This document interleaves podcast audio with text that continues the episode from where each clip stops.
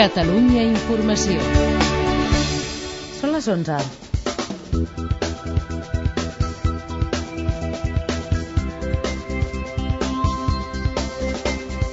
Els directius de Nissan condicionen mantenir la producció a Catalunya més flexibilitat laboral davant de la contractació fixa. Així ho ha comunicat el president de la Generalitat que aquest dimarts ha acabat la seva visita al Japó. Nous enfrontaments a Grècia coincidint amb els funerals pel menor que va morir pel tret d'un policia. L'executiu fa front a les crítiques i peticions de dimissió i promet justícia per aclarir els fets. La mort d'una nena d'11 anys eleva a 6 les víctimes mortals de l'explosió d'ara fa una setmana a Gavà. 10 dels 16 ferits continuen molt greus, mentre que algunes famílies ja han pogut accedir a un dels pisos de lloguer que els han cedit. Renfe augmentarà les places en els trens de Lleida a Barcelona que circulen per la línia de l'AVE en les franges horàries de més ocupació. Ho farà a partir del gener. I els joves espanyols s'independitzen més d'hora i tenen fills abans que els seus pares, segons un informe del Ministeri d'Igualtat. L'estudi subratlla que la dona ha guanyat terreny en la feina i el sexe, però el seu salari és un 30% inferior al dels homes. Catalunya Informació. Pel que fa al temps, encara aquesta nit poden caure ruixats febles i dispersos que seran més probables cap a la meitat est i al Pirineu. Demà esperem nevades tot el dia a la cara nord del Pirineu amb una cota de 500 metres i també fins al migdia altres punts del terç nord i oriental. L'ambient serà fred.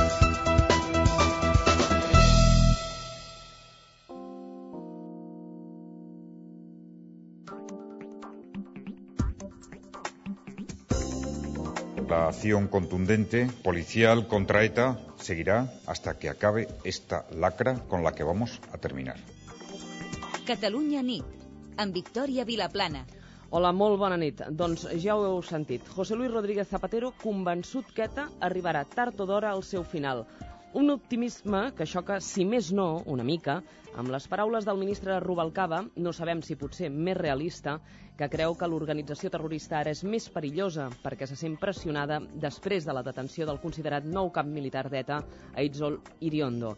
L'última hora sobre aquest cas són els escorcolls que s'estan fent hores d'ara en aquests moments en dues vivendes de Getxo i una de Leioa. La crònica política d'avui tampoc pot deixar de banda el veto als pressupostos generals de l'Estat ni tampoc a Joan Tardà. El diputat d'Esquerra Republicana ha reformat al seu bloc d'internet el significat històric que ell atribueix a la polèmica frase que va pronunciar en un acte de partit. Ja ho sabeu, allò de Visca la República, mori el Borbó. Avui entrevistarem també el secretari executiu de Comunicació i Estratègia de Convergència Democràtica, David Madí. I a la tertúlia ens acompanyaran les periodistes Ivanguera i Maica Fernández. Abans, però, arribaran als esports amb Jordi Castanyeda. Bona nit, Jordi. Bona nit, Victòria. Parlem del Barça, Jordi.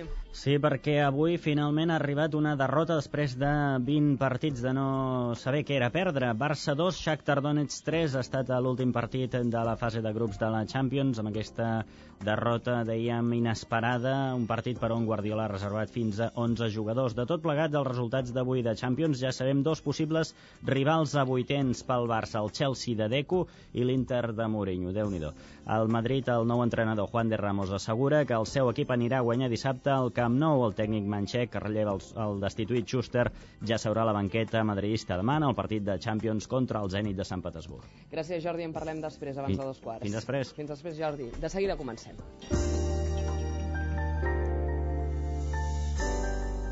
Caixa Penedès us amplia la informació i us acosta a l'actualitat. Les notícies més destacades a fons. Caixa Penedès. Persones al servei de persones. Novetats, com us ho dèiem ja en aquesta portada entorn l'última operació policial contra ETA. La Guàrdia Civil està fent en aquests moments escorcolls en dues vivendes de Getxo i una de Leioa. Els registres estarien vinculats a les detencions d'ahir a França i Irún, que han fet caure, recordem-ho, el considerat nou cap militar d'ETA, Eitzol Iriondo. El ministre de l'Interior, Alfredo Pérez Rubalcaba, creu que l'organització terrorista ara és més perillosa perquè se sent pressionada. En tot cas, la policia creu que el material que portava Iriondo pot aportar dades molt interessants a la investigació. Dades que ens explica des de Bilbao Dani Gómez. Dani, molt bona nit. Molt bona nit. Rubalcaba es mostra satisfet pel volum de material informàtic i electrònic incautat al suposat dirigent militar d'ETA perquè, segons avança, obren noves perspectives.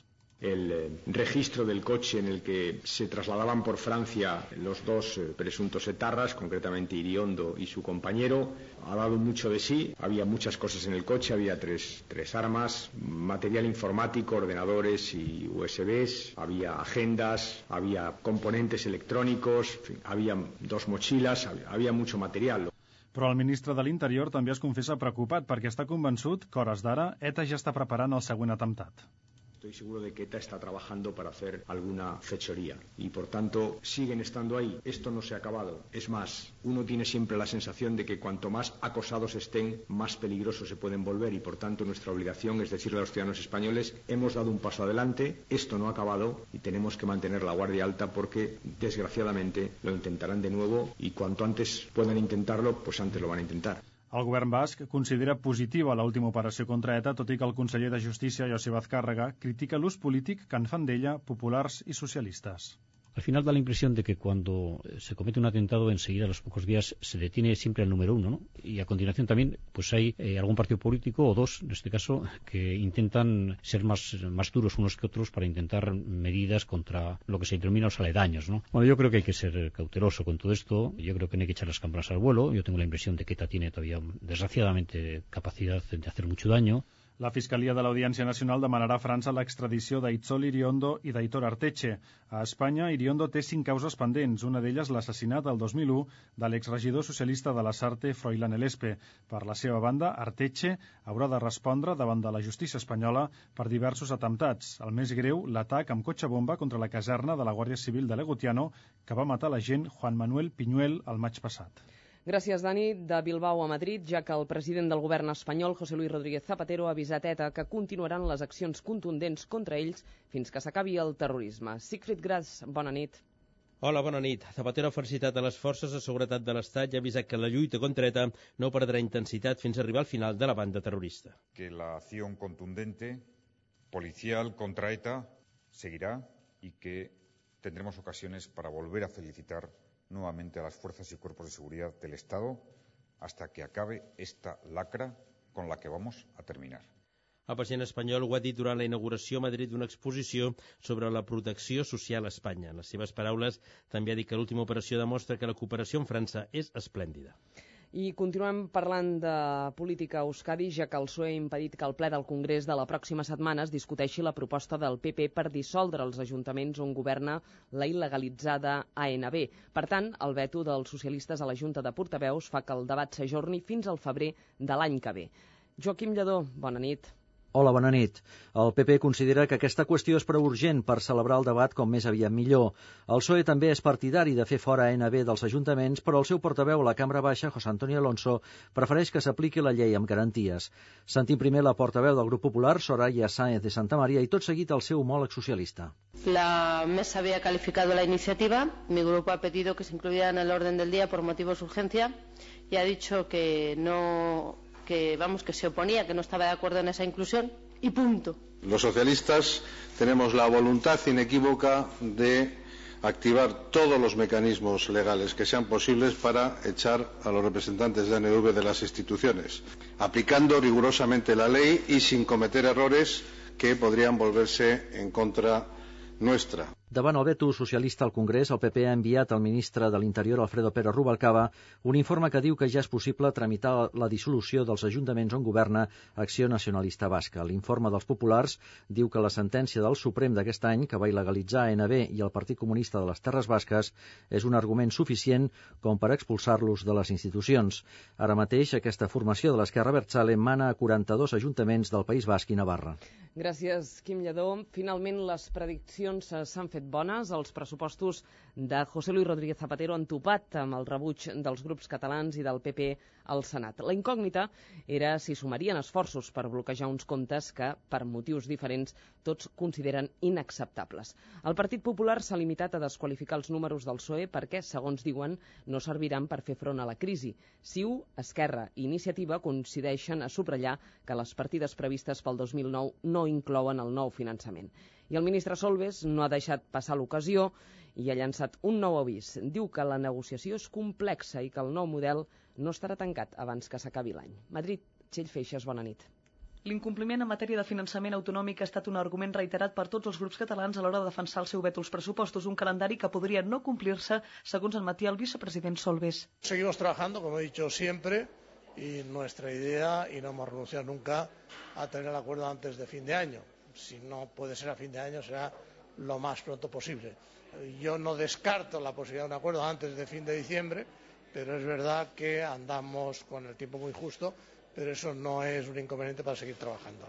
Tot i que la falta de compromís amb l'Estatut ha centrat els arguments dels catalans per dir no als comptes, el PP, que hi té un recurs d'inconstitucionalitat presentat, ha donat suport al veto dels republicans. Ho ha fet també després de criticar durament el diputat Tardà per les seves declaracions. Pel vicepresident Solbes, la finalitat única dels populars és la de desgastar el govern. Pío García Escudero es defensava. També ho feia Carles Bonet per Esquerra Republicana. Lo importante es que saliera el rechazo, porque en el fondo los cuatro grupos lo que pretendían era rechazar unos presupuestos por inútiles, por muertos, por desfasados. Todo lo demás es mezclar churras con merinas. Entre ideología o táctica, ha escogido táctica, ¿Mm? sencillamente. Ara els pressupostos tornaran al Congrés dels Diputats on s'aprovaran definitivament la setmana vinent amb el suport que donarà el govern PNB i BNG. Gràcies, Madrid, eh, Txell Feixes i la polèmica expressió del republicà Joan Tardà Recordem, visca la República, mori el Borbó, continua aixecant polseguera. Avui s'ha fet públic que la Fiscalia vol un informe de l'acte polític on va pronunciar aquesta frase i el govern ha avançat que es farà sense problemes, com és habitual en aquests casos. Mentrestant, Tardà no fa marxar enrere, no és així, Eva Godàs? Bona nit. Hola, bona nit. Exactament. Avui podem llegir al seu blog a internet que la seva opinió sobre el Tribunal Constitucional és la mateixa que va expressar dissabte. Per ell, l'alt tribunal és un òrgan corrupte i no té cap legitimitat per sentenciar sobre l'Estatut. Tardà també ha refermat el significat històric que ell atribueix a la polèmica frase sobre la monarquia. El govern ha traslladat el seu suport a Tardà avui de la mà de Joan Saura. No n'hem parlat en el si del govern, tot i que jo penso que les disculpes que ha donat, que ha demanat en Joan Tardà, diguem-ne, fa superar aquesta situació.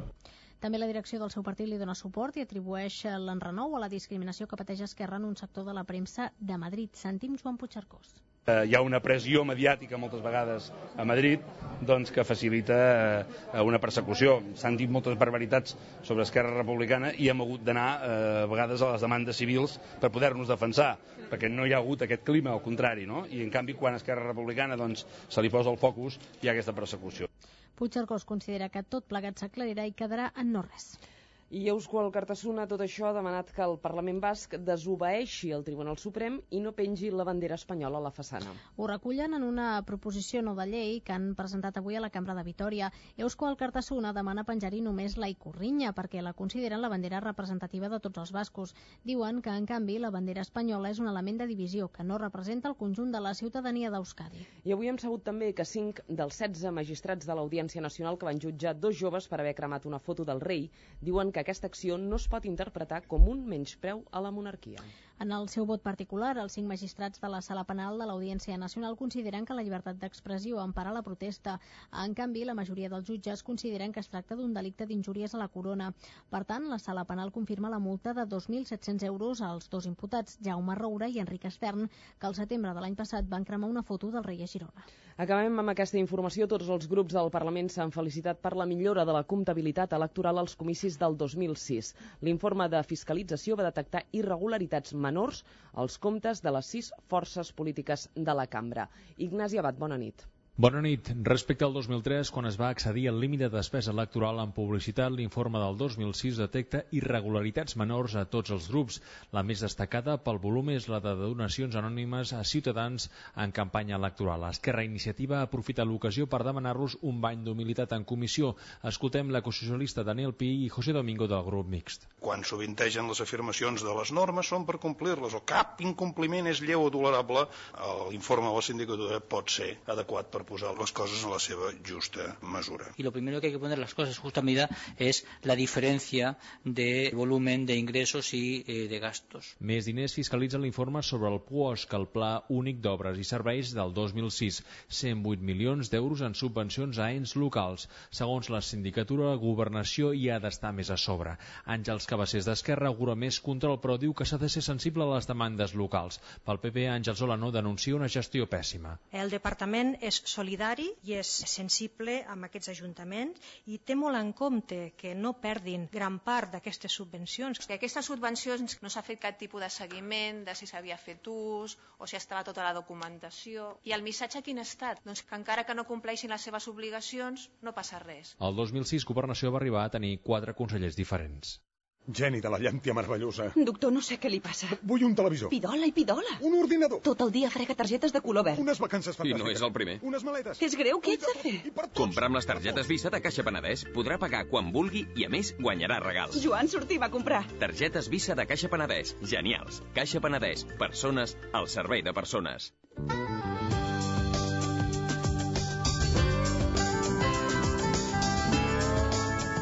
Mig quart.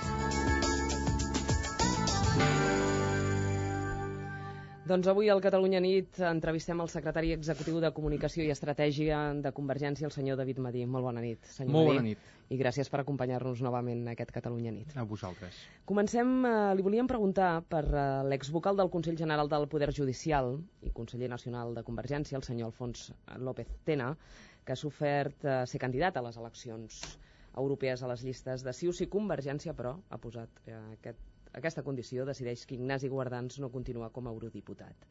A mi m'agradaria preguntar-li si li convindria en aquests moments a la federació tenir com a cap de llista potser un perfil més sobiranista. Bé, aquest és un debat que, que estem fent no? en aquests moments i que sabem doncs, que l'hem de resoldre eh, doncs, amb un temps prudencial, però que tampoc tenim cap pressa exagerada i que per tant podem reflexionar quina és eh, la millor estratègia i el millor candidat per abordar aquestes eleccions europees que seran el mes de juny. I jo crec que això, un temps prudencial, vol dir doncs, que doncs, eh, durant el mes de gener i febrer doncs ho hem d'acabar resolent.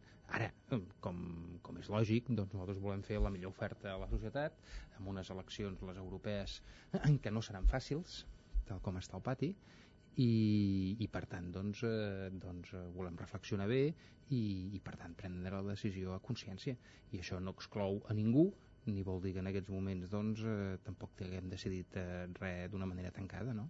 No hi ha res tancat, de moment. No. Li dic perquè el, vostè parlava del gener, el senyor Guardans eh, sembla que li ha demanat al senyor Mas que se sàpiga abans de final d'any. No, jo ho entenc, jo ho entenc. És lògic que, eh, que tot candidat doncs, vol saber-ho quan abans millor i això entra dins de lo humà i dins de lo lògic, però ell també em sembla que és conscient doncs, de que eh, doncs, les decisions bones a vegades porten el seu temps i així serà i a més a més eh, crec que en aquest cas eh, que estem amb, un, amb l'obertura d'un nou cicle electoral doncs per tant ens podem permetre aquesta reflexió a fons no? Li puc demanar la seva opinió personal, que li agradaria més? No. no, no, no, no, no li diré, evidentment, jo tinc, jo tinc opinió, però em La té. sembla... Eh? La té, per això. Evidentment, evidentment, que tinc, evidentment que tinc opinió, però eh, precisament pel que acabo de dir, doncs, eh, doncs crec que és un debat que s'ha de fer en la, en la direcció que és qui li correspon eh, doncs plantejar el candidat en el Consell Nacional i per tant doncs, eh, fer aquest debat ben fet. La tria és cosa de dos? És cosa del senyor López Tena, cosa del senyor Guardans? O hi ha més noms? No, no, eh, n'hi ha més. Eh, de fet, de fet, eh, de candidat eh, formal, candidat a ser candidat, eh, ho és el senyor Guardans, perquè ho expressa d'aquesta manera, li va traslladar a l'Artur Mas eh, doncs, aquesta, aquesta intenció, eh, cosa que, que el senyor López Tena doncs, eh, no ha passat de fer una insinuació no? en aquest sentit. No? Però, vaja, jo crec que, que tots dos són magnífics possibles candidats, eh? tots tenen unes virtuts eh, diferents, és evident que són perfils diferents però que, que tenen virtuts molt notòries un i l'altre i que a més a més n'hi poden haver-hi més, evidentment.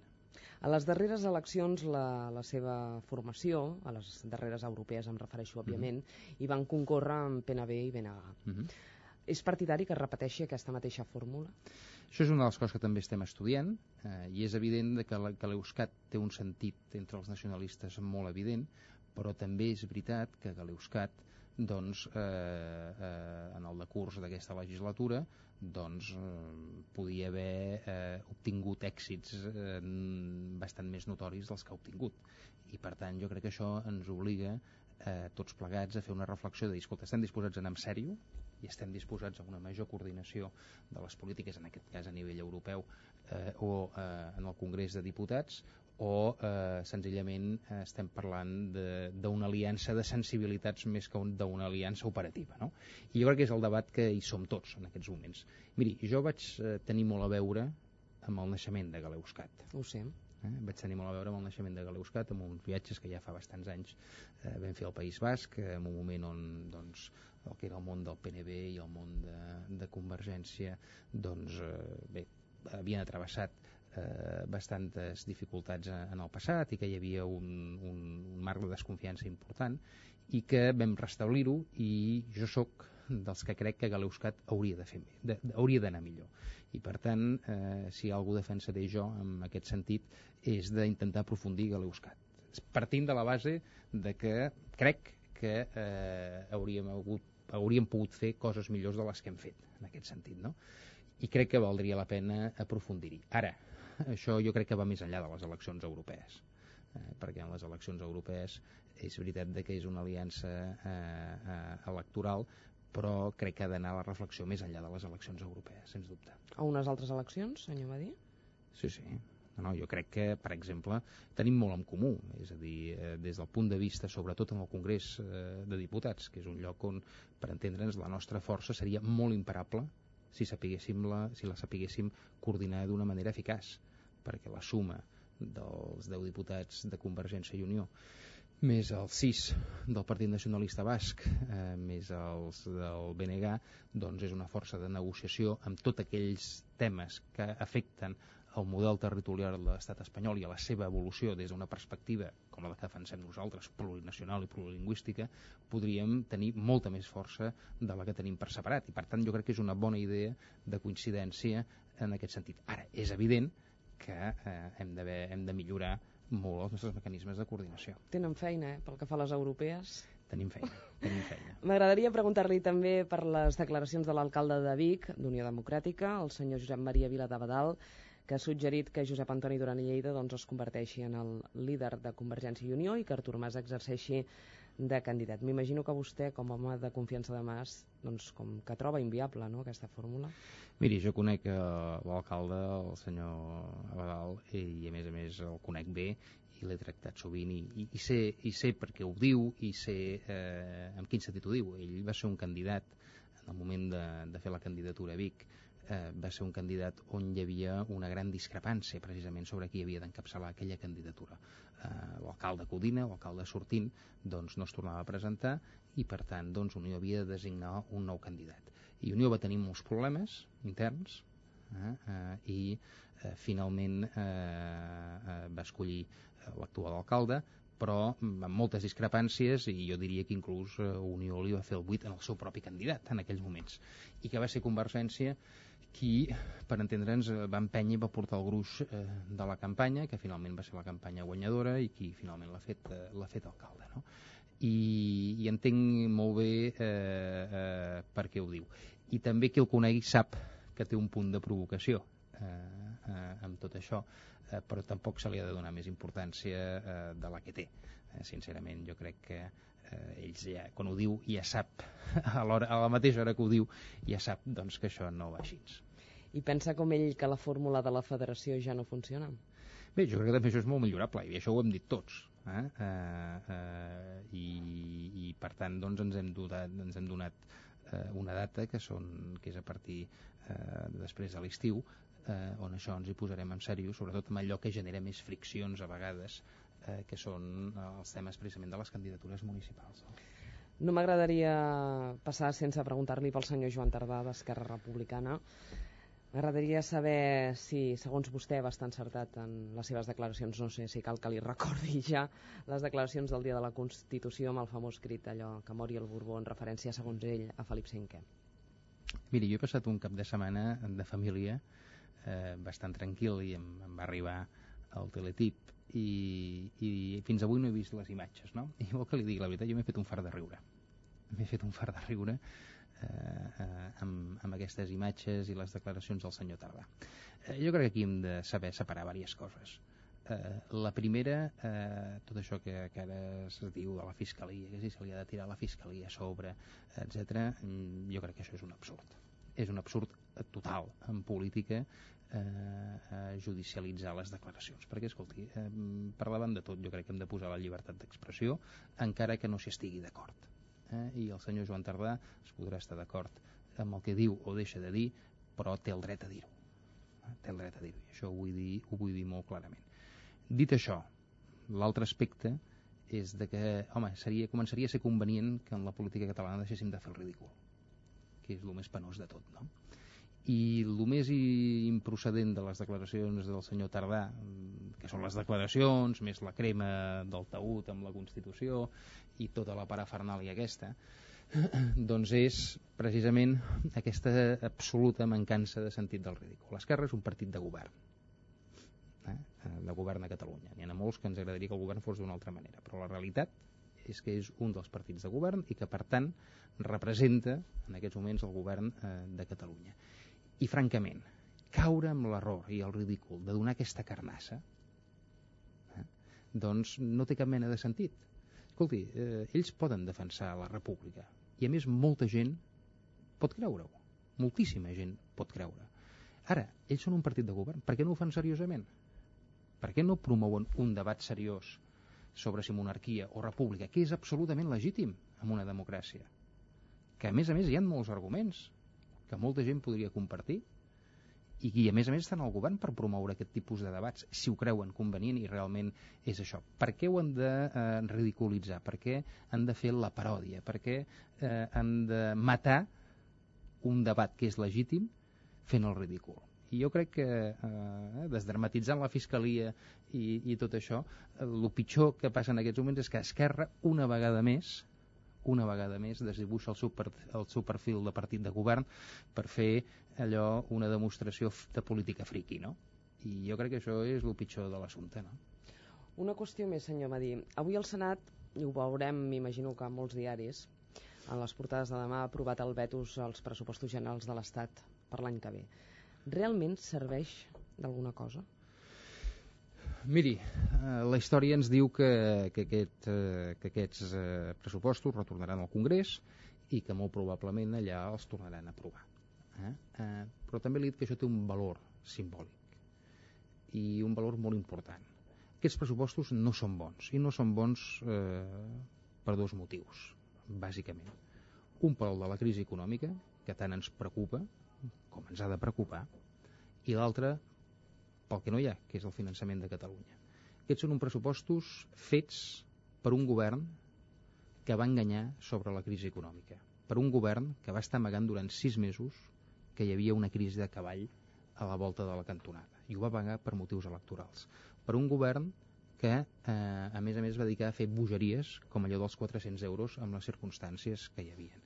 Per un govern que no s'ha agafat aquesta crisi econòmica de veritat fins ara i encara fan una política de pedassos sense parar. I aquests pressupostos estan fets des d'aquesta perspectiva. Són irreals, són eh, absolutament contraproduents per gestionar aquesta crisi i, per tant, des d'aquest punt de vista, absolutament insuficients. Aquest és un primer tema. I després hi ha un segon tema que eh, ens ha d'ocupar particularment a Catalunya. Són uns pressupostos que, en contra del que diu l'Estatut de Catalunya, no inclouen el finançament. I això és d'extraordinària gravetat. A vegades, mediàticament, passa que un fet, per molt parlar-ne, sembla que estigui cremat, però la circumstància és molt delicada i molt greu. És a dir, hi ha un estatut aprovat, eh, que ha costat sang, suor i llàgrimes, aprovat pel poble de Catalunya, eh, i en el qual s'han incomplert amb un dels temes, amb un dels pilars fonamentals, i que a més a més és un pilar fonamental per la crisi, precisament, perquè és una de les armes principals que pot tenir el govern de Catalunya per abordar aquesta crisi econòmica, per començar a construir sortides en aquesta crisi econòmica. Doncs això s'ha incomplert, i no només, sinó que se'ns rifen permanentment. I la meva pregunta és, home, evidentment nosaltres havíem de rebutjar aquests pressupostos, hem estat coherents i ho vam fer en el Congrés i, eh, i ho hem fet en el Senat en aquests moments. I per tant queda clar que la majoria de partits catalans rebutgen que el finançament no estigui inclòs allà. Ara, la gran pregunta quina és? I els socialistes? On estan? Tenen 25 diputats. Els catalans, a les eleccions espanyoles, els hi van donar un suport molt important. I quan se'ls dona un suport molt important, se'ls dona una responsabilitat molt important. I aquí tenim el president de la Generalitat, eh, si m'ho permeten, eh, eh, allò gesticulant permanentment, però no fent. Paraules, però no fets. On estan aquests 25 diputats que serien determinants per tornar a qüestionar aquests pressupostos? Senyor Madí, ens acompanyarà a la tertúlia, m'imagino. Per descomptat, vaja, si m'hi volen. Home, i tant que el volem. Nosaltres anem a esports, ara.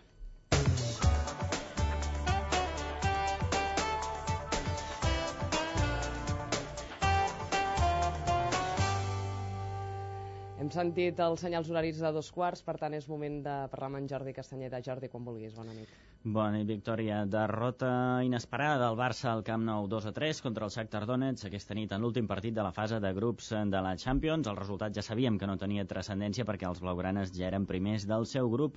Sergio Busquets, un dels blaugranes més en forma d'aquest any, diu que han de prendre nota de partits com el d'avui. Del futbol manen els gols i ells han estat més fins a l'hora d'arribar a porta i, i marcar i res, no es pot fer res davant això, tenim que aprendre dels errors per uns altres partits. Repassem la resta de partits aquest dimarts. Olímpic de Marsella 0, Atlètic de Madrid 0, PSV Eindhoven 1, Liverpool 3. Això vol dir que el Liverpool passa primer de grup i l'Atlètic de Madrid segon. El grup del Chelsea, Chelsea 2, Cluj 1, Roma 2, Girondins de Bordeus 0, primer de grup la Roma, segon el Chelsea, el grup B, Werder Bremen 2, Inter de Milà 1, Panathinaikos 1, Anortosis 0, acabat primer d'aquest grup el Panathinaikos i segon l'Inter. Amb aquests resultats, el Barça pot tenir a vuitens de final rivals de l'entitat del Chelsea de Deco o de l'Inter de Milà de José Mourinho. I recordem que demà s'estrena a la banqueta del Madrid el nou tècnic Juan de Ramos a motiu del partit al Bernabéu contra el Zenit de Sant Petersburg. El Madrid de certificar que passa vuitens com a segon de grup. Avui Petja Mijatovic, director del Madrid, eh, director tècnic del Madrid, assegurava que les declaracions de Schuster dient que era impossible guanyar el Camp Nou no han estat pas les decisives per fer-lo fora. No ha influido demasiado las declaraciones de, de otro día, sino una serie de cosas que han sucedido que a nosotros ha, nos han demostrado claramente de que, que, estamos ante una situación de tomar una decisión que la hemos to tomado con total libertad, sin ningún tipo de problemas. I ara anem a l'hoquei patins perquè avui es disputava la 14a jornada que havia de decidir la majoria d'equips que prendran part de la Copa. Resultats, doncs, Barça, Sorli Discau 5, Güell Voltregà 1, Viva Habitat Blanes 2, Lloret 0, Vilanova, l'Ull Blau 0, Alcoi 2, Grup Castillo Lleida 3, Grup Clia Mataró 1, Liceu 4, Tenerife 3, Proinosa Igualada 1, Roncato Pativi 4, el Nimar Reus 5, Noia Freixenet 1. Per tant, ja estan classificats. Avui s'ha classificat el Lleida, vaja, ja ho estava el Barça, el Liceu i també l'equip del Vic i el Reus. A segona divisió, el Nàstic s'acaba la paciència de la directiva, que dona tres partits de marge a Ferrando per treure l'equip de la situació actual a només dos punts del descens. I en el Barça de bàsquet fem referència als incidents d'ordre públic que hi ha hagut a Grècia els últims dies. El Barça hi juga aquest dijous a la pista del Panathinaikos, a més s'hi juga al primer lloc del seu grup i tindrà una, un reforç tant de seguretat privada com de Mossos d'Esquadra que viatjaran amb ells. déu nhi eh? A Grècia, tot això. A Grècia. Estan les coses malament. Ja allà. són pistes calentes, més ara. Més ara. Gràcies, Jordi. Fins després. Fins després. Catalunya nit, amb Victòria Vilaplana. Moment ara de repassar els titulars principals de, de la jornada d'avui amb Josep Almirall. Josep, bona nit, quan vulguis. Hola, bona nit. La Guàrdia Civil escorcolla aquesta nit vivendes de Quetxo i la Ioga al País Bas després de la detenció ahir del suposat nou cap d'ETA, Itzol Iriondo. Durant l'operació policial, les forces de seguretat van confiscar material divers que podria portar dades importants en la lluita contra l'organització. El president del govern espanyol, José Luis Rodríguez Zapatero, ha qualificat d'esplèndida la col·laboració entre les policies francesa i espanyola. Els pressupostos de l'Estat pel 2009 seran de tornar a votar al Congrés. El ple del Senat els ha rebutjat perquè CiU, Iniciativa Verds i el Partit Popular han donat suport al veto d'Esquerra Republicana. El rebuig als comptes a la Cambra Alta per part dels partits catalans respon en part a l'incompliment de l'Estatut en matèria de finançament.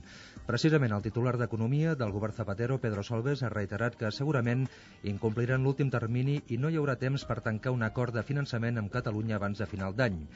Els directius de Nissan han comunicat que per continuar la producció a Catalunya caldrà que hi hagi més flexibilitat laboral davant la contractació fixa.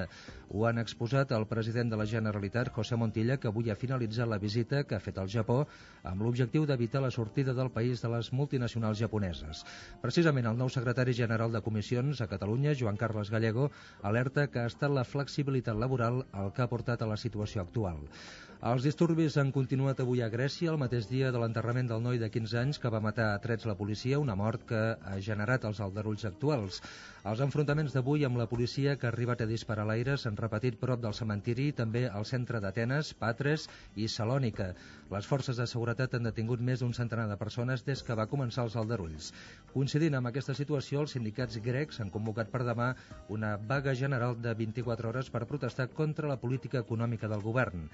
I el temps, aquesta nit encara poden caure ruixats febles i dispersos que seran més probables cap a la meitat est i al Pirineu.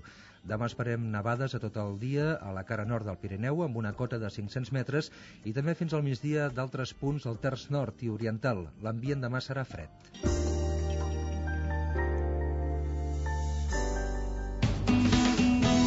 Bona nit. El número premiat del cupó diari celebrat avui és el 80.355 80355. Demà, com cada dia, hi haurà un venedor molt a prop teu que reparteix il·lusió. Bona nit i recorda que amb el sorteig de l'11 la il·lusió es compleix. Catalunya nit. L'anàlisi de la política i els seus protagonistes a Catalunya Informació. Avui a la tertúlia ens acompanya David Marí, evidentment, aquí tornem a saludar, i també les periodistes Ivanguera i Maica Fernández. Bona nit i benvingudes a totes dues. Bona nit. Tal com estan les coses i després de sentir a Solves això de menjar-nos els torrons amb un nou sistema de finançament, com, com que no, no? Jo és que, la veritat, a mi personalment ja se m'acaben les paraules per descriure aquesta situació, perquè és una mica el que deia el senyor Madí. És d'aquelles informacions que, port és que portem sis mesos esperant un acord que, que fa sis mesos que hauria de ser-hi, però és que em sembla increïble la, bueno, ja no, jo no sé, ja només se li pot dir barra o cara dura de, de, del govern central dient un altre cop que doncs mira, em sembla que no, que no hi arribarem, que no hi ha acord. No sé, no. Se m'acaben les paraules per descriure-ho francament. Jo vull pensar que es tracta d'una escenificació de l'últim tram de la negociació i que el govern central intenta apretar al màxim a l'altra part negociadora, que és el govern català en aquest sentit. I eh, vull interpretar que la cosa va per aquí i que estan mirant d'apurar al màxim el temps per intentar que el govern català doncs, eh, miri de situar-se o acceptar més o menys els paràmetres de, que estaria disposat el senyor Solves a, a, a posar damunt la taula. Vull pensar que és això, eh? I que, mm. no ens ha, i que malauradament no ens allarguem al, al 2009, eh? No, escolti, crec que vostè mm, té una visió generosa de la situació eh? té una, una visió sincerament generosa no? jo crec que la situació és molt greu sí. eh, i dir, abans ho deia no? sembla que pel fet de que en parlem tant doncs sigui un tema cremat i que no sé què és molt greu eh? jo crec que, que una de les reflexions amb el que és el paquet mm. eh, de finançament i el que és el paquet eh, estatutari uh mm-hmm. -huh. i a més a més en el context d'una crisi econòmica de la dimensió que l'estem vivint doncs eh, això és molt greu és una demostració de frivolitat, de barra, de, de, de falta de la més mínima ètica política per part del govern central i bé, i, i jo lamento profundament eh, que això sigui així, perquè a més a més aquest estatut el que és el pilar central dels beneficis que pot desenvolupar aquest estatut és perquè resol o es fa un pas endavant important amb el tema del finançament no? eh, ara, jo crec que més que lamentar-nos hem de pensar que les properes setmanes o mesos hauran de passar coses. Mm. Jo no contemplo en cap de les situacions que si tot això es materialitza d'aquesta manera, amb un mal acord de finançament i una situació complicada amb l'Estatut, doncs la reacció de Catalunya sigui senzillament doncs, mirar-s'ho des de la peixera i, i, i, una reacció allò tèbia i tal, sinó crec que aquest país eh, per dignitat, eh, perquè l'assisteix la legalitat i l'assisteix la raó, ha de començar a dir prou a tot aquest tipus de situacions. I aquí hi ha algú que, a més a més, és responsable. Eh? És evident que la principal responsabilitat la té el govern de Madrid. Però, home, eh, els partits catalans, i molt especialment un partit, que és el Partit Socialista i el president Montilla i els seus 25 diputats eh, a part de mirar-s'ho i de gesticular eh, podrien fer coses doncs es tracta que les comencin a fer perquè si no els responsables principals són ells Bueno, jo, de tota manera, no crec que correspongui al, al president de la Generalitat, de moment, posar sobre la taula mesures quan, quan aquesta negociació en teoria no està tancada i, i tenim aquest plaç. Mm, de tota manera, tornant una mica al que deia la Maica abans, eh, és que a mi, fins i tot, si és una mesura per pressionar la negociació, és que fins i tot posant-nos en aquesta hipòtesi, em sembla que, és, que està fora de mida que el govern, arribat a aquest punt, encara mm. faci servir aquest tipus de discurs. Em sembla totalment fora de mida que encara, que encara es vegin amb, amb el marge de fer servir aquest discurs de no, eh, potser no arribem... la situació eh, partís de fora de mira, perdó, perquè ja hi va haver un incompliment molt greu que va ser el 9 d'agost, el primer i bàsic, que és que hi ha una llei orgànica que fa un, fa un, una, un, un ordenament, mm. que és allò, el, com, a, com a màxim el 9 d'agost hi ha d'haver un model damunt de la taula i el govern central eh, bueno, eh, no fa cas d'una un, llei, l'incompleix totalment, hi ha un acord i a més és un... Estava pensant és... 9 d'agost, 9 de desembre, que som avui. jo crec que és el, princi el principal incompliment que va ser molt greu, o sigui que el fet de que el, el mateix govern central incompleixi una llei, quan ha de donar exemple de compliment de totes les lleis. No, no, evidentment, eh? Però crec que, que, que més que lamentar-ho sí, sí. ha de fer alguna cosa tenen una responsabilitat directa com a govern uh mhm. -huh. eh, i president eh, de Catalunya i a més a més com una persona que té una de les tecles, per no dir la tecla de pressió fonamental sobre el govern espanyol i per tant eh, jo crec que això ja la comèdia aquesta ja porta durant massa temps i que del, i aquest camí doncs, del nou d'agost passarem al 9 de desembre i del 9 de desembre al 9 de gener i del 9 de gener al 9 de febrer i, i, i per esgotament eh, algú acabarà passant no? i jo crec que hi ha instruments hi ha capacitat en aquest país de reacció i de plantar-se davant d'una situació que, escolti, que això ja, ja és inajornable i a més insisteixo, no per un eh, deliri estatutari eh, sinó perquè eh, eh, ho hem aprovat, perquè és llei i perquè a més a més tenim una crisi econòmica que requereix que requereix que el país disposi dels seus diners per poder fer front a aquesta crisi. Mm -hmm. És a dir, un país on li desapareix el 10% del PIB anual, com és el cas de Catalunya, que se li evapora el 10% del PIB, com és el cas de Catalunya, té un enorme, un gravíssim problema per afrontar la situació d'aquesta crisi. I, de fet, això ja es nota perquè la destrucció de llocs de treball és més intensa que a Catalunya que a altres llocs eh, de l'Estat, perquè eh, les empreses van pitjor, perquè els índexs es deterioren amb major, amb major eh, intensitat. No? Bueno, però això també depèn del teixit industrial i econòmic català. Tampoc no és el mateix que el del conjunt de l'Estat o d'altres zones que no, que no estan seguint aquest ritme de destrucció de... I de la sobrecàrrega. És a dir, eh, aquí l'empresa eh, catalana eh, competeix no només en el mercat espanyol, sinó en el mercat de la globalització, co eh, competeix amb una sobrecàrrega eh, fiscal que a més a més se li evapora i que no se li retorna amb infraestructures, que al final també és capacitat de, de competir, és capacitat d'augmentar la productivitat, és capacitat de tenir més instruments, és competir en termes normals, és competir amb una, és córrer amb sí. una bola eh, lligada al peu, però és que en una situació de, de la crisi no és que sigui córrer amb una bola lligada al peu, és que és nedar amb una bola lligada als peus i quan nedes amb una bola lligada als mm -hmm. peus el més probable és que t'ofeguis Enfonses. a mi m'agradaria preguntar-los a vostès eh, abans li preguntava al senyor Madí eh, si serveix d'alguna cosa aquest vetus al pressupost general de l'Estat per l'any que ve al Senat creuen que serveix d'alguna cosa? Jo crec que en aquest cas sí que és, que és important la política com a mínim dels símbols i el demostrar doncs, el que deia el senyor Madí que, que el govern del senyor Zapatero en aquest moment està molt sol amb la seva política econòmica i, i que ha de començar a buscar aliats eh, però d'una manera molt més seriosa que el que ha fet fins ara, que és oferir al PNB una sortida amb una mica més de diners per determinades infraestructures al País Basc i que era la sortida fàcil que, per cert, també s'hauran de plantejar vostès que fan amb Galeuska amb aquest, amb aquest tipus de pactes. Però vull dir, el, el govern Zapatero l'únic que ha fet és buscar la, la, la sortida fàcil per, per aprovar els pressupostos sense pactar. Ni amb Convergència ni amb els partits catalans però ni tampoc amb el, amb, amb el principal partit de l'oposició que seria una altra via amb, amb un cas de crisi com el que estem a punt de viure durant el 2009 jo crec que té un punt de desgast molt important pel, pel govern de Zapatero, encara que sigui simbòlicament, però són uns pressupostos mm, per uh, encarar una crisi que no reben el suport d'una de, de les cambres del, de les Corts espanyoles i per tant eh, és un, és un indicatiu de que s'ha de posar les piles entre cometes diguem-ne per buscar aliances i, i buscar suports per a, encarar la nova etapa. El 2009 pot ser un any molt crític econòmicament i el senyor Zapatero no pot anar sol, no té majoria i ha de pactar les mesures que es posin damunt la taula per encarar aquesta crisi.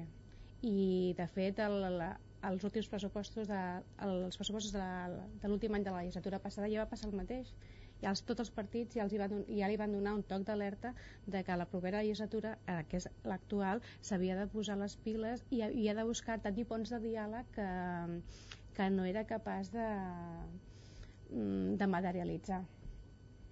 Sí, sí. Pot afegir el que vulgui, senyor Madí. No, només, afegir, només afegir una cosa, que és que eh, no hi ha cap govern a Europa en aquests moments eh, que tots estan més o menys aprovant els seus pressupostos que tinguin les dificultats que té el govern espanyol quan a més a més eh, en la conjuntura econòmica de l'estat espanyol eh, és on eh, té uns dels paràmetres més fotuts de tota Europa. És a dir eh, eh aquí la crisi s'està fent notar amb una virulència especialment intensa. Aquí tot s'escuda amb que eh, la causa d'aquesta crisi eh, prové de la globalització i prové de la crisi financera internacional, cosa que és certa.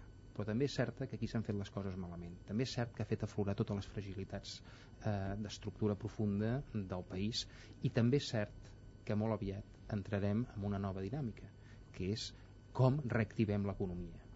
I reactivar l'economia tindrà molt a veure amb les polítiques locals, tindrà molt a veure amb les polítiques nacionals en termes europeus que es facin i que facin cadascun dels països i aquí hi haurà països que els aniran millor i països que els aniran pitjor i jo crec que pel camí que va el, el govern espanyol, el Zapatero i tots els seus socis, doncs això eh, pinta malament, francament.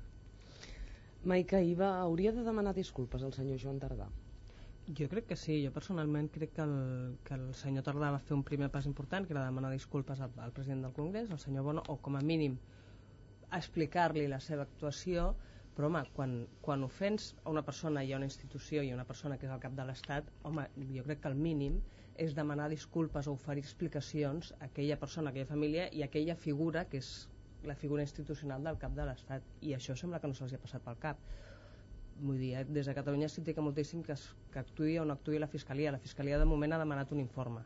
Després ja veurem però és que mm, vull dir, a tres dies de tot aquest enrenou el senyor Tardà encara no se li ha acudit mm, aixecar el telèfon i, i parlar amb la Casa Real i dir home, doncs me'n referia a això no sé si m'he equivocat o no mantenc o no mantinc les meves, els meus criteris però com a mínim home, és que ha dit una cosa que mm, sentida en fred és molt lleig. Però jo crec que també s'ha tret una mica de context. O sigui, és un acte polític de les joventuts del seu partit. En un moment que jo no vaig seguir l'acte però que bueno, diguem-ne que un dirigent polític eh, de vegades pot eh, no utilitzar les paraules més encertades no? i jo crec que se li està fent allò un acarnissament polític en aquest sentit mm, bastant important per part del Partit Popular que el que intenta és a través de l'Esquerra Republicana afablir el PSOE i afablir el tripartit aquí problema són les maneres i mm, que utilitzen determinats polítics a l'hora de parlar i de gesticular. I potser el senyor Tardà no va, ser, no va utilitzar les paraules més escaients en aquest sentit, però jo crec que també s'està fent un acarnissament de la seva persona i de la figura que representa. Ja, el que passa és que no és el mateix dir visca la república o saluti república que dir mori el Borbó és que l'expressió és molt diferent aleshores com a mínim un, un... No, jo si m'ho permet discrepo amb una cosa jo crec que ell no ha de demanar disculpes perquè és molt clar el que ell pensa i en quin sentit ho diu i a més a més crec que és veritat quan diu que això és un crit de guerra històric eh? Eh, sí, clar, eh, diguéssim, però... dels quals n'hi ha bastants més aquí a Catalunya però, però, eh? però és que eh, cal eh, continuar fent servir aquests no, no, crits no, no, històrics no, no. jo crec que, que l'error l'error és fer el debat friqui i no el debat seriós i aquest és el problema d'Esquerra Republicana i del senyor Tardà, que no és la primera vegada que fa coses d'aquestes. Sí, em sí. sembla que no és l'última, perquè això li va a la marxa, per entendre'ns, és d'aquests que, que, que, que li va a la marxa. Jo li conec algunes anècdotes que déu nhi no? I clar, sí, eh, polític... jo crec que el, el seu problema és eh, eh, eh, que no es desempalleguen, jo crec que Esquerra no es desempallega d'aquest tuf a, a, a caverna i aquest tuf a friqui eh, eh, i es converteixen en, cony, en el que són un partit de govern que representen Catalunya i que per tant poden fer debats seriosos i poden defensar la república, si jo crec que es pot defensar la república i a més no, no, es pot defensar és, es pot defensar d'una manera seriosa i argumentada i, i, i que segurament i que segurament molta gent eh, hi estaríem d'acord. El problema és fer-ho amb, amb això i donar carnassa eh? perquè a més a més em sembla que de, de la feina del tripartit mm, no en destaca precisament haver generat un gran prestigi per Catalunya, sinó més aviat al contrari, una, una destrucció sistemàtica del prestigi eh, de Catalunya. No? I per tant jo crec que, eh, que haurien clarament de eh, eh, plantejar-s'ho molt seriosament de deixar de fer eh, aquests numerets i fer els debats seriosos, perquè clar, escolti, si tot això acaba amb que el senyor Bono, no només el PP, no només el PP, sinó el senyor Bono, doncs surt per tot arreu dient, escolta, ja se sap el senyor Tardà és una persona primitiva, eh? perquè ho diu així, eh? una persona primària eh, i primitiva. I, clar, el senyor Bono, I, i, i li està perdonant. El, el senyor Bono, que és el representant més caspós de l'espanyolisme, en aquest cas eh, socialista, no? però eh, clar, això francament doncs, ho han de fer mirar. M'agradaria també preguntar-los per uh, tot el que ha passat aquests dies amb la detenció d'Iriondo um, i saber la seva opinió sobre qui és en aquests moments més realista, si el senyor Zapatero dient que tard o d'hora arribarà al seu final o el senyor Rubalcaba no vol dir que siguin incompatibles, evidentment, les dues afirmacions, afirmant que l'organització terrorista és ara més perillosa que mai, potser després d'aquesta detenció. Jo tendeixo a pensar que el senyor Rubalcaba és més realista i després d'aquestes declaracions encara més. Uh, jo crec que la, la detenció del senyor Iriondo és, o, o de Aizolis Iriondo és, un, és una molt bona notícia, de fet és de les poques bones notícies que hem tingut últimament, sobretot perquè s'ha produït molt ràpidament i perquè demostra doncs, que les forces i cossos de seguretat de l'estat espanyol i francès estan fent molt bé la seva feina, però és cert que això els converteix en molt més perillosos perquè estan molt acorralats i suposo que encara caldrà mm, tenim, anar molt més en compte en, en les properes setmanes. Jo crec que el senyor Balcaba fa unes declaracions una mica preventives perquè després d'unes atencions a aquest eh, calat el que es, les forces de seguretat de l'estat deuen temer és una reacció immediata com va passar malauradament amb l'assassinat del, del darrer empresari basc que, que busquin un objectiu immediat per eh, represaliar aquestes atencions no? Estic d'acord, jo crec que ETA està políticament derrotada, ja fa molt de temps que està políticament derrotada i que eh, en termes eh, de terrorisme doncs eh, mouen la cua i segurament seguiran movent la cua eh, i això és veritat que els fa perillosos i a més a més és veritat que a mesura que es van eh, succeint eh, les diferents cúpules doncs la tendència a la radicalització encara més profunda doncs es pot donar eh, i per tant això és veritat que els fa perillosos però mm, escolti, jo crec que la bona notícia és que van caient que van caient. Eh, jo no sé si aquí el senyor Zapatero és més o menys optimisme, optimista però en tot cas el que sí que sé és que el bon camí és aquest eh, d'anar eh, posant-los eh, a la presó eh, a tots ells i sabent de que això no s'ha de baixar la guàrdia en cap dels moments perquè avui és una notícia positiva però ens podem trobar d'aquí pocs dies eh, malauradament amb un altre atemptat, amb una altra mort, mm -hmm. amb una altra desgràcia, una altra família sí, desgraciada, eh, eh, etc. No?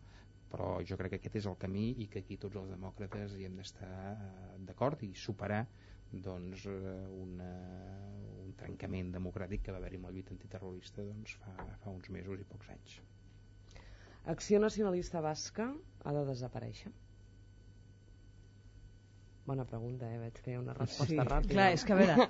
Plantejada eh, així potser és complicat. Que, que, que desaparegui sembla bastant improbable si del que estem parlant és de, del que representa Acció Nacionalista Basca, d'aquest electorat que continua recolzant aquestes idees.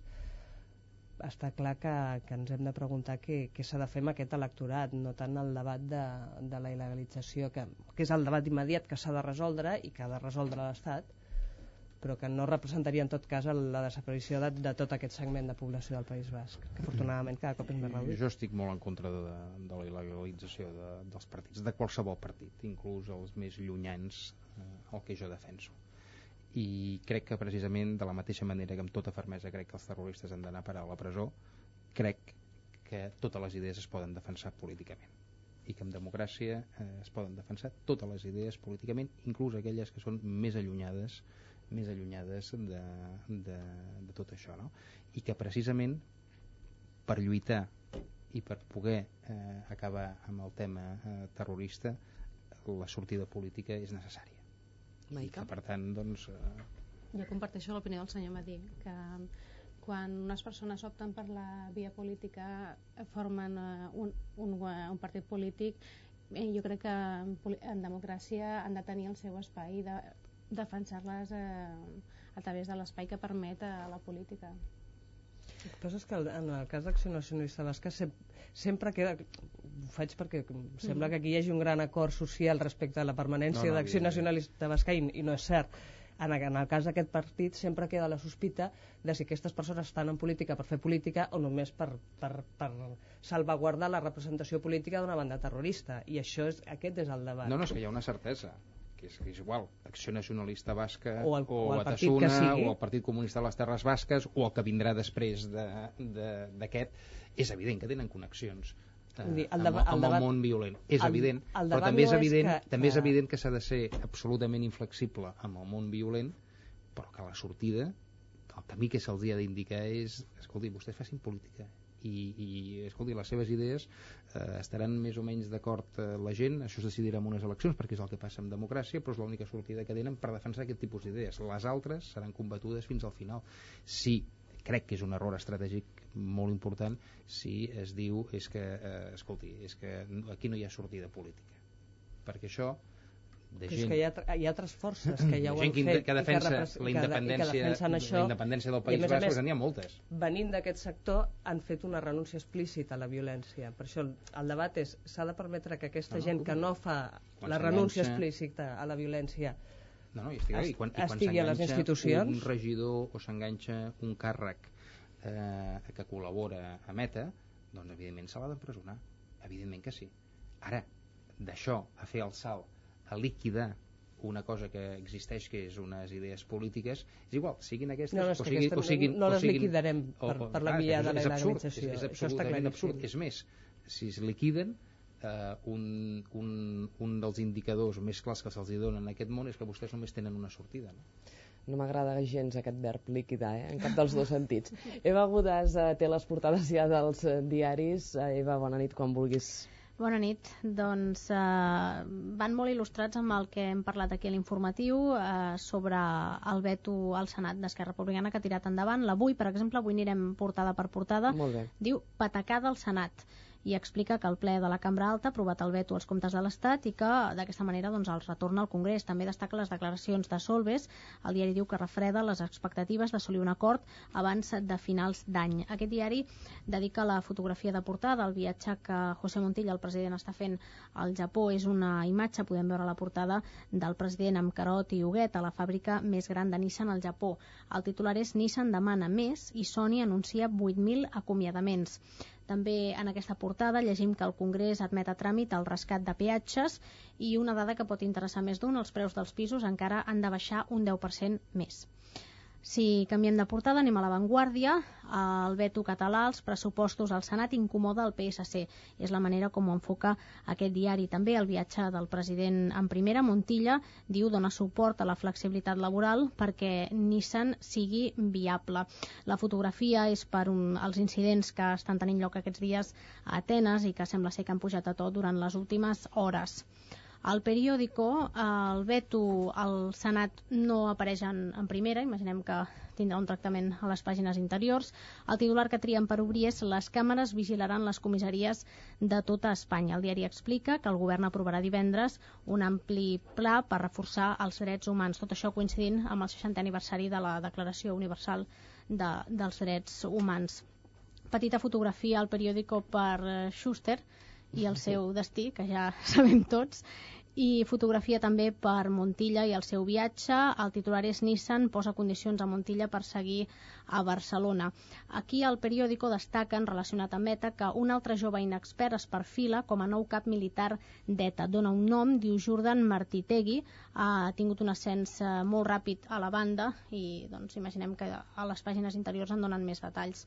Ràpidament, a, a Público es fa ressò també del Senat el, del veto al Senat i diu el PP vota les tesis d'Esquerra per tombar els comptes del govern. Cadascú mira com vol això. Senyor Madí, senyora Maica Fernández, senyora Ivanguera, no tenim temps per més. Ha estat un plaer com sempre. Gràcies i bona nit. Bona nit. Moltes gràcies.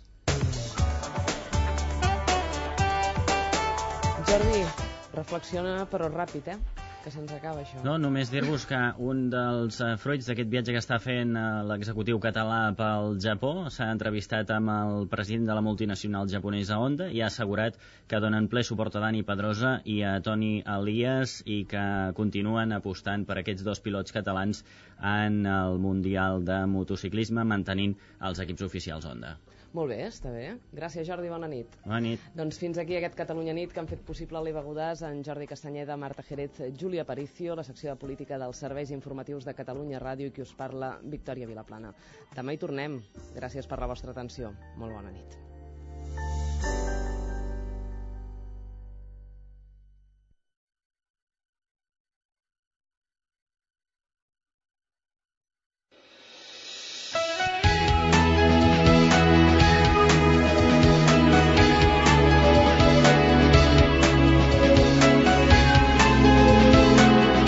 Catalunya Informació. Són les 12.